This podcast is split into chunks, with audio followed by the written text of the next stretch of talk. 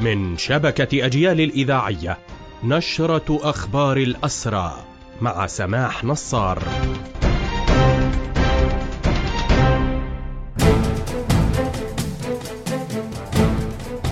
أهلا ومرحبا بكم. إلى هذا اللقاء يواصل الاحتلال تصعيد عمليات الاعتقال.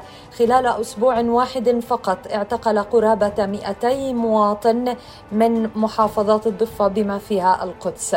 تتركز الاعتقالات في محافظات رام الله نابلس جنين والخليل.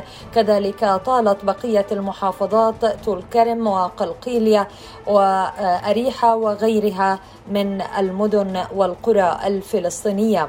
في ذات الإطار أفاد نادي الأسير أن عمليات الاعتقال تركت أبعادا خطيرة على المستوى الاجتماعي ومصير العديد من العائلات خاصة أن بعض العائلات تعرض أكثر من فرد فيها للاعتقال إضافة إلى استهداف عائلات الشهداء وطلبة الجامعات إضافة إلى الأطفال طلبة المدارس. نواصل في أخبار هذه النشرة. حملة الاعتقالات اليوم في هذا الإطار طالت أكثر من 32 مواطنا حتى ساعات الظهر وقد توزعت الاعتقالات على محافظات رام الله وقلقيلية وكذلك نابلس وطول كرم. منذ مطلع العام الجاري بلغ عدد حالات الاعتقال أكثر من خمسة آلاف.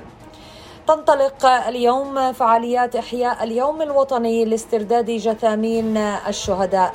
من بين الشهداء المحتجزة جثامينهم أحد عشر أسيرا ارتقوا في سجون الاحتلال وما زال الاحتلال يحتجز جثامينهم الطاهرة. مظاهرات اليوم في الخليل في رام الله في جنين في طول كرم وبيت لحم وطوباس وقلقيلية وأريحة وكذلك في سلفيت اعتبارا من الحادية عشرة وحتى الثامنة مساء تتوزع. هذه التظاهرات. يواصل عدد من الأسرى الإداريين إضرابهم عن الطعام ضد الاعتقال الإداري. حسب تحديث نادي الأسير فالمضربون هم كيد الفسفوس وسلطان خلوف وعبد الرحمن إياد براقة وماهر الأخرس.